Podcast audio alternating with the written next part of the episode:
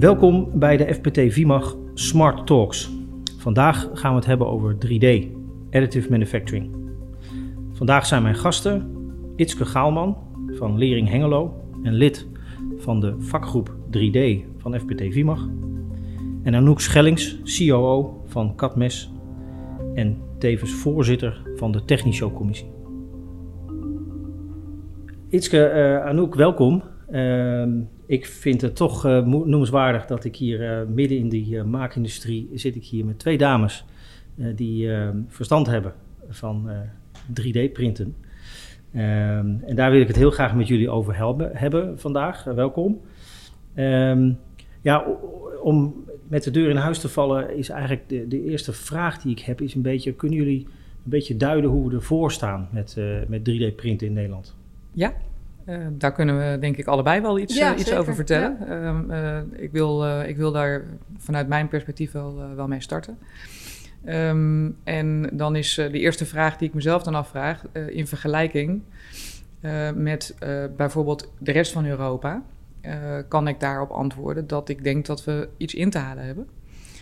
Um, wat ik zie, hè, wat je terugziet in, uh, in de maakindustrie in Nederland en ook in het Nederlandstalige deel van België geldt dat zeker, uh, is dat we uh, minder produceren in deze gebieden voor onze eigen regio. Dus wij we zijn een ander land dan een Duitsland of een Frankrijk als het over productie gaat. en ik denk dat een factor daarin is dat we niet zoveel in de automotive zitten als bijvoorbeeld Duitsland. waardoor we, denk ik, als het over de kennis en de toepassingsmogelijkheden spreken, um, achterlopen op, uh, op die andere landen? Ja, ik, uh, ik denk inderdaad dat uh, we, we, hebben weinig OEM in Nederland, veel kleinere componenten en toeleveranciers. En Kijk, eh, in, in, het buitenland is het zo dat uh, eh, OEM eh, in automotive of in de luchtvaart het voortouw nemen en een heel, hele groep toeleveranciers om zich heen verzamelen die ze ook mee die richting opduwen. hier wordt het meer overgelaten aan de verschillende partijen. Wat je in Nederland ziet dat er veel gebruik wordt gemaakt van printservicebureaus. die bedrijven helpen op het gebied van het zij ontwerp, het zij printen of een stuk nabewerking of een combinatie daarvan.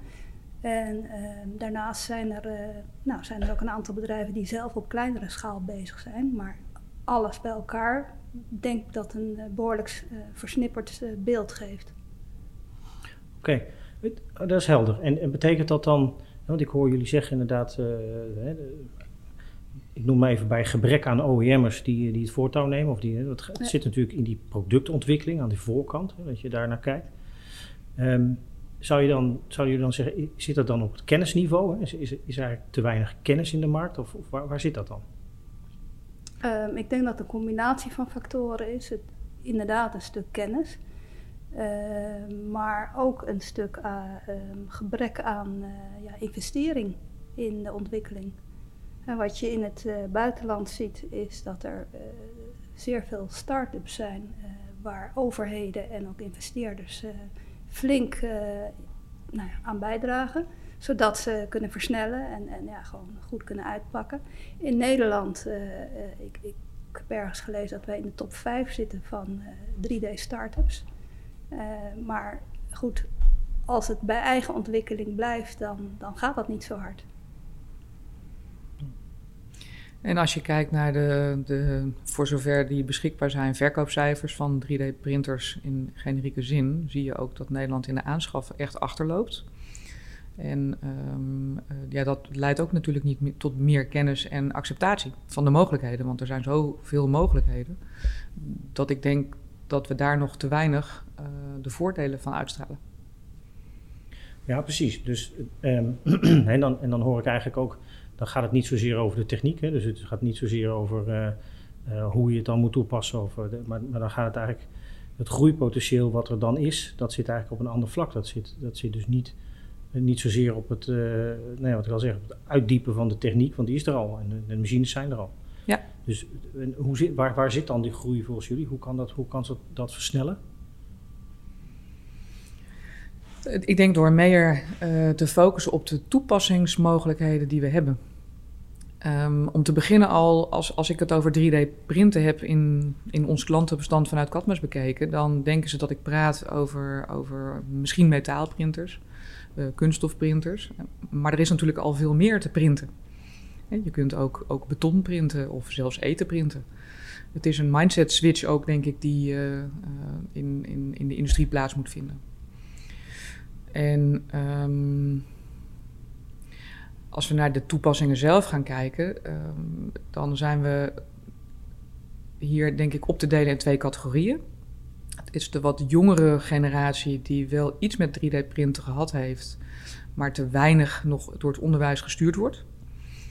Uh, en je hebt de groep uh, mensen die al van school af waren toen 3D-printen opkwam, die gewoon te weinig um, geprikkeld wordt om te begrijpen dat het anders kan.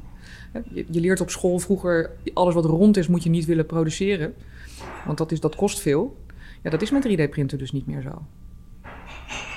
Um, functioneel ontwerpen. Ja, vroeger moest je een functie ontwerpen en daarachteraan een andere functie. Want dat moest je dan met verbindingstukken aan elkaar knopen. Dat is iets wat denk ik in de automotive uh, heel snel geleerd is in, in de landen om ons heen. Dat je um, op een andere manier functioneel dingen kan combineren. Uh, onderdelen waar je lucht en, en water langs elkaar moet laten lopen, ingewikkelde uh, onderdelen, ja, dat, dat kan je met printen veel makkelijker uh, dan dat je dat vroeger functioneel gescheiden moest doen. Zie, zie, je daar, is, zie je daar ook inderdaad kansen? Zit het, zit het in de breedte dus? Ik denk uh, inderdaad, als, je, als je bedrijven laat zien wat voor mogelijkheden er zijn en dat concreet maakt, dus echt gewoon letterlijk concreet, visueel en, en nou ja, laat zien welke producten of, of onderdelen zich lenen voor het uh, eh, 3D printen en, en welke bedrijven daar al succes mee behaald hebben, dat je dan heel tastbaar maakt. Um, en inderdaad, nou ja, dat, dat, dat kunnen, uh, het heeft vele gezichten, 3D printen. Wat jij zegt over, over luchtstromen en, en, en waterstromen is, is enorm van belang.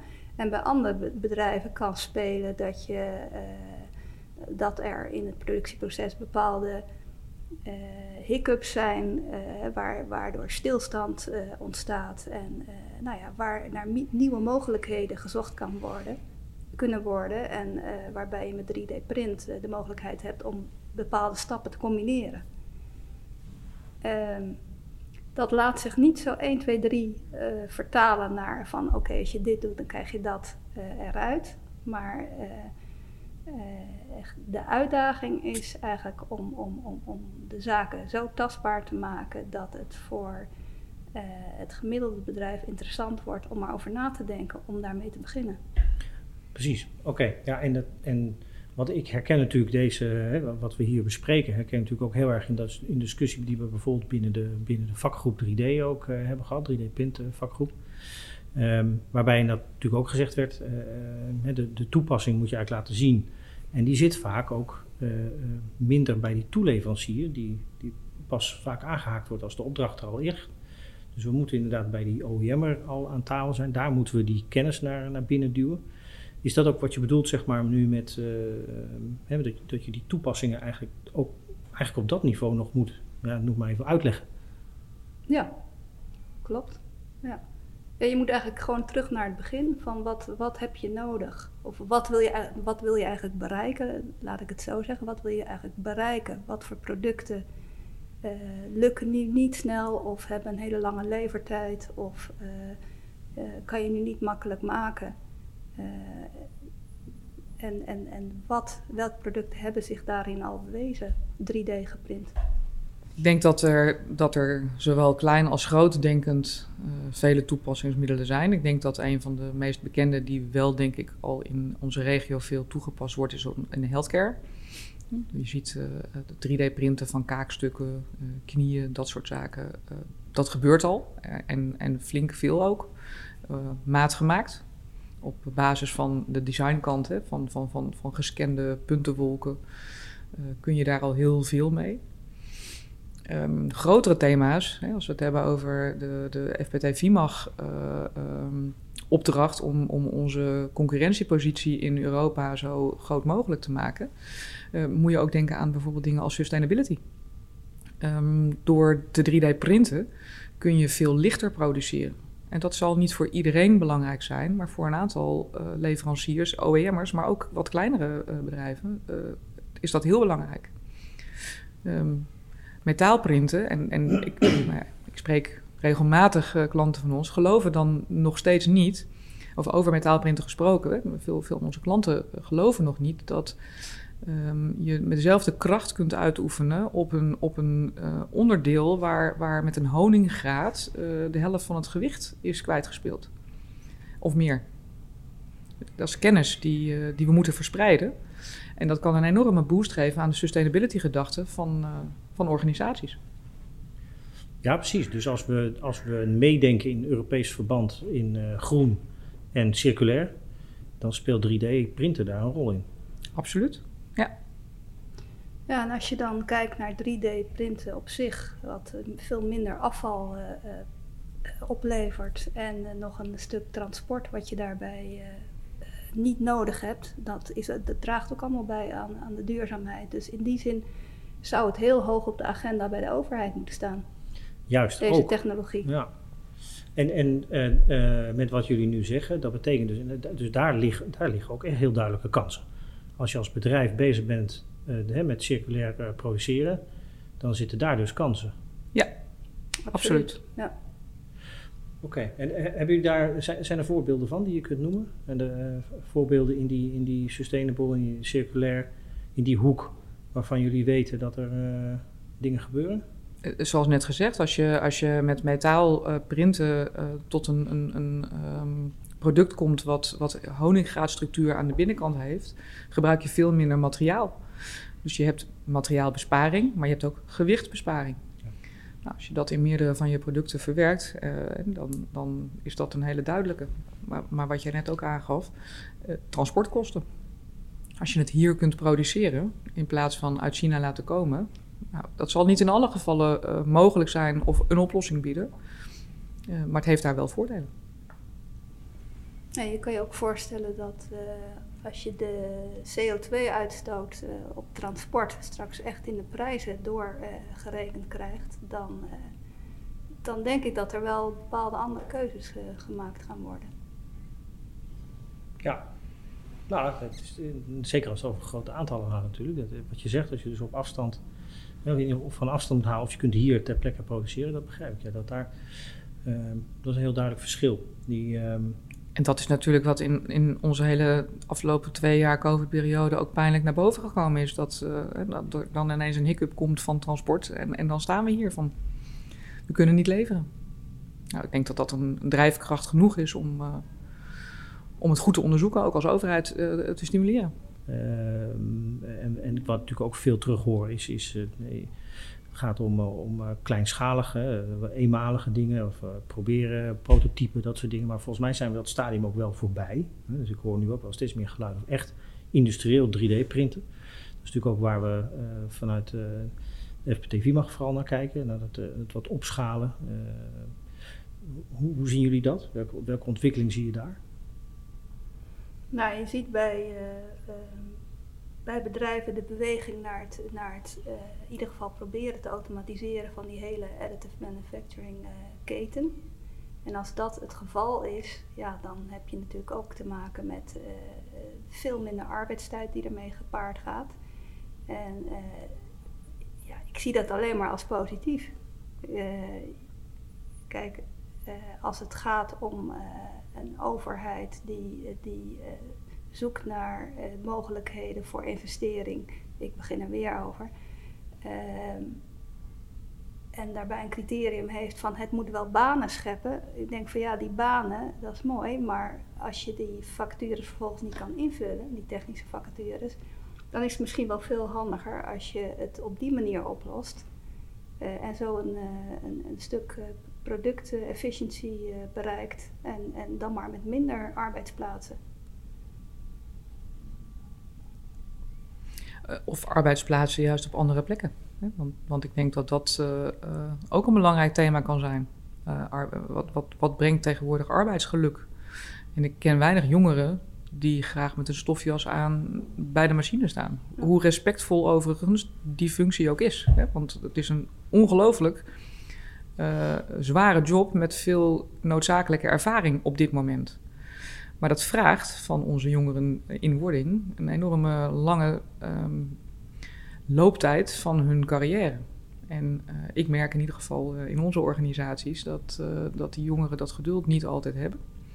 En de ontwikkelingen zo hard gaan in technologie dat dat eigenlijk ook niet meer gewenst is. Het is een heel interessant punt wat je nu aansnijdt inderdaad. In, eigenlijk wat is gezegd is natuurlijk heel logisch, want we hebben het steeds over manarm, uh, manarm werken. Dus daar past eigenlijk 3D-ontwikkeling past daar dus heel goed in. Nou, aan de andere kant, wat je nu aangeeft aan Noek, is natuurlijk uh, ja, skills voor de toekomst ook. Hè? Dus jonge mensen die instromen, 3D printen is, is volgens mij, het staat wel op de agenda, maar wordt er nou in het onderwijs ook voldoende aandacht aan besteed? Wat ik in mijn eerdere vraag ook al beantwoordde, nee, dat denk ik niet. Er zijn wel initiatieven en er zijn ook goede initiatieven. Uh, maar daar mag veel meer aandacht naartoe, want het is, een, het is een vakgebied apart. Ontwerpen voor 3D-printen is echt iets wezenlijk anders dan wat men gewend was vanuit een, een, een, uh, een voormalige ontwerpopleiding. Het is echt met een ander perspectief dat je dat doet. Maar hè, wat jij zelf ook al aangeeft net, de, de ketenopvolging daarin is ook van belangrijk, want het maakt nogal uit welke printtechniek je gaat gebruiken uh, om, om je design op aan te passen. Ja, we hebben in de, in de 3D-print vakgroep uh, in kaart gebracht wat voor opleidingen er eigenlijk zijn in Nederland.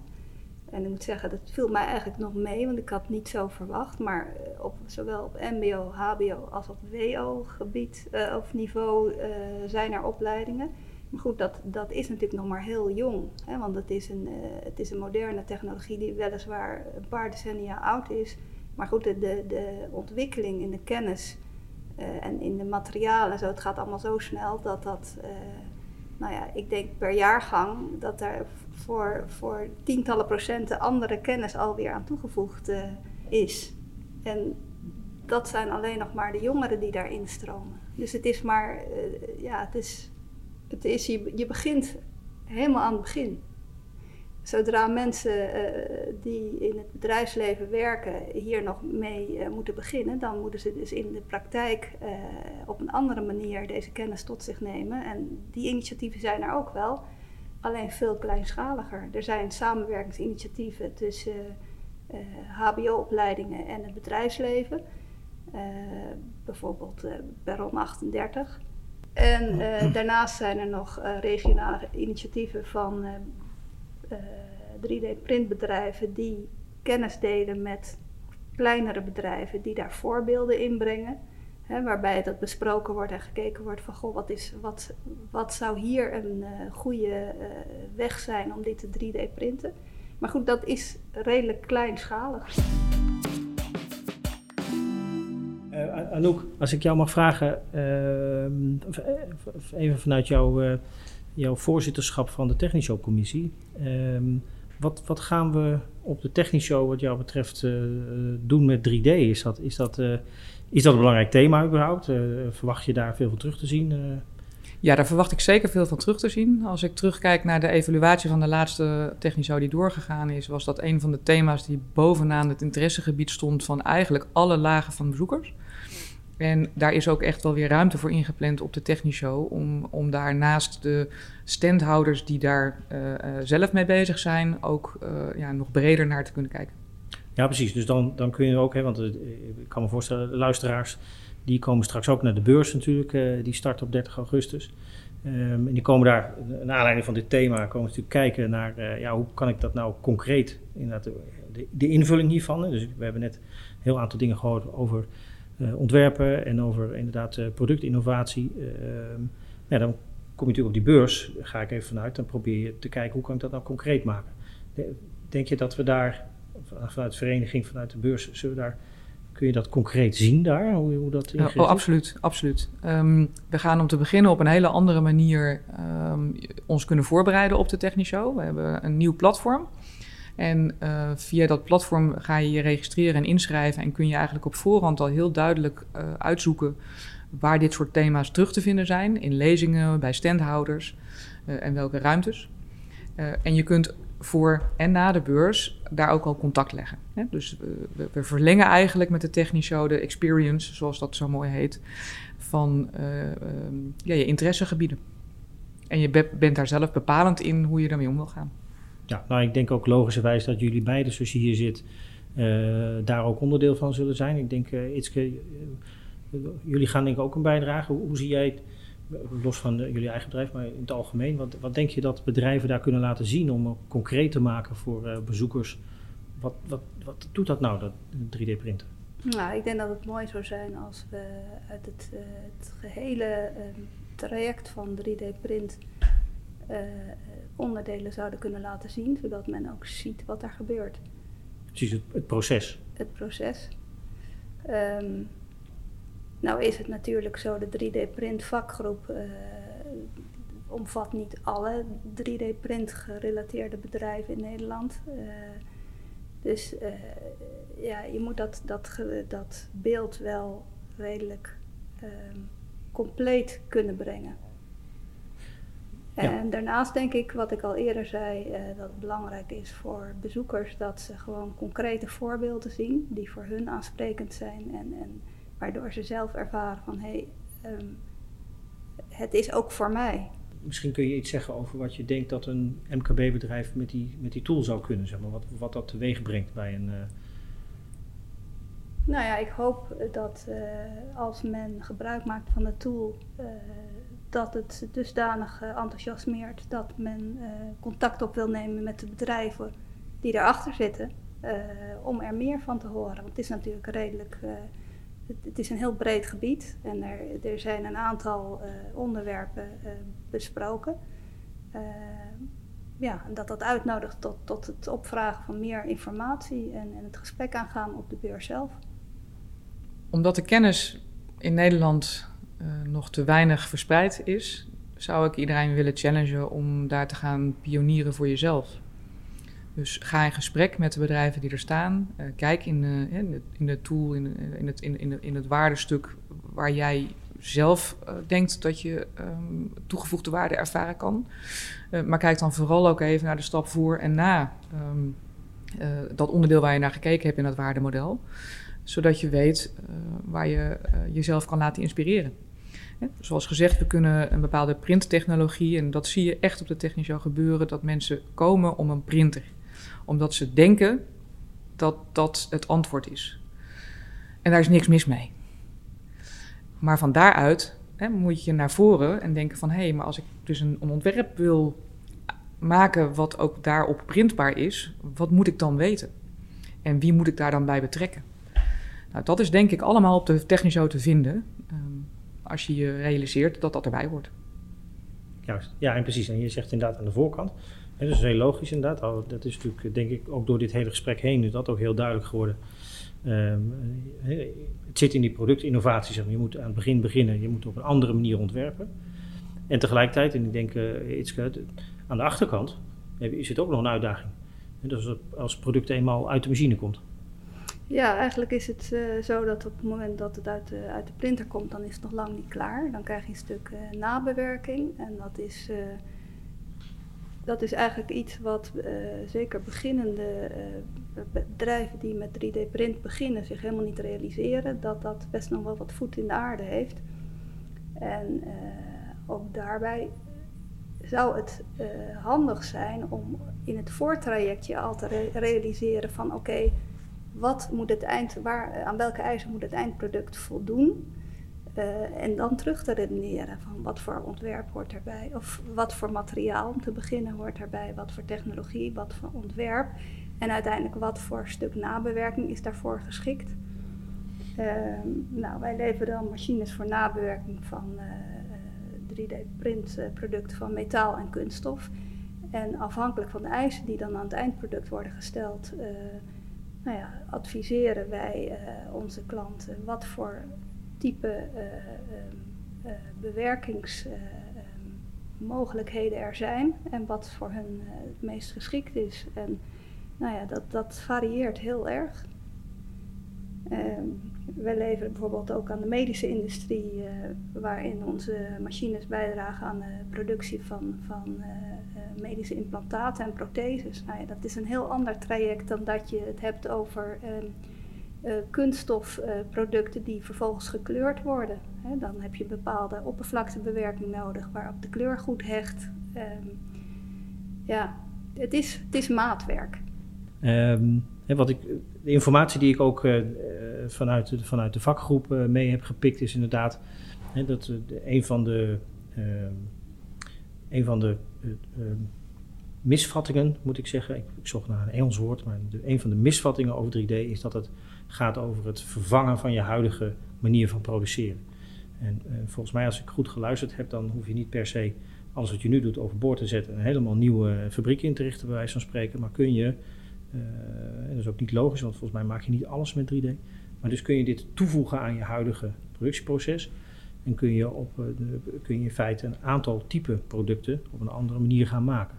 Hoe, hoe kijken jullie daar tegenaan? Hoe, zit dat bij, zeg maar, in een bestaande, natuurlijk een start-up, maar hoe kun je nou in een bestaande fabriek dit uh, toepassen?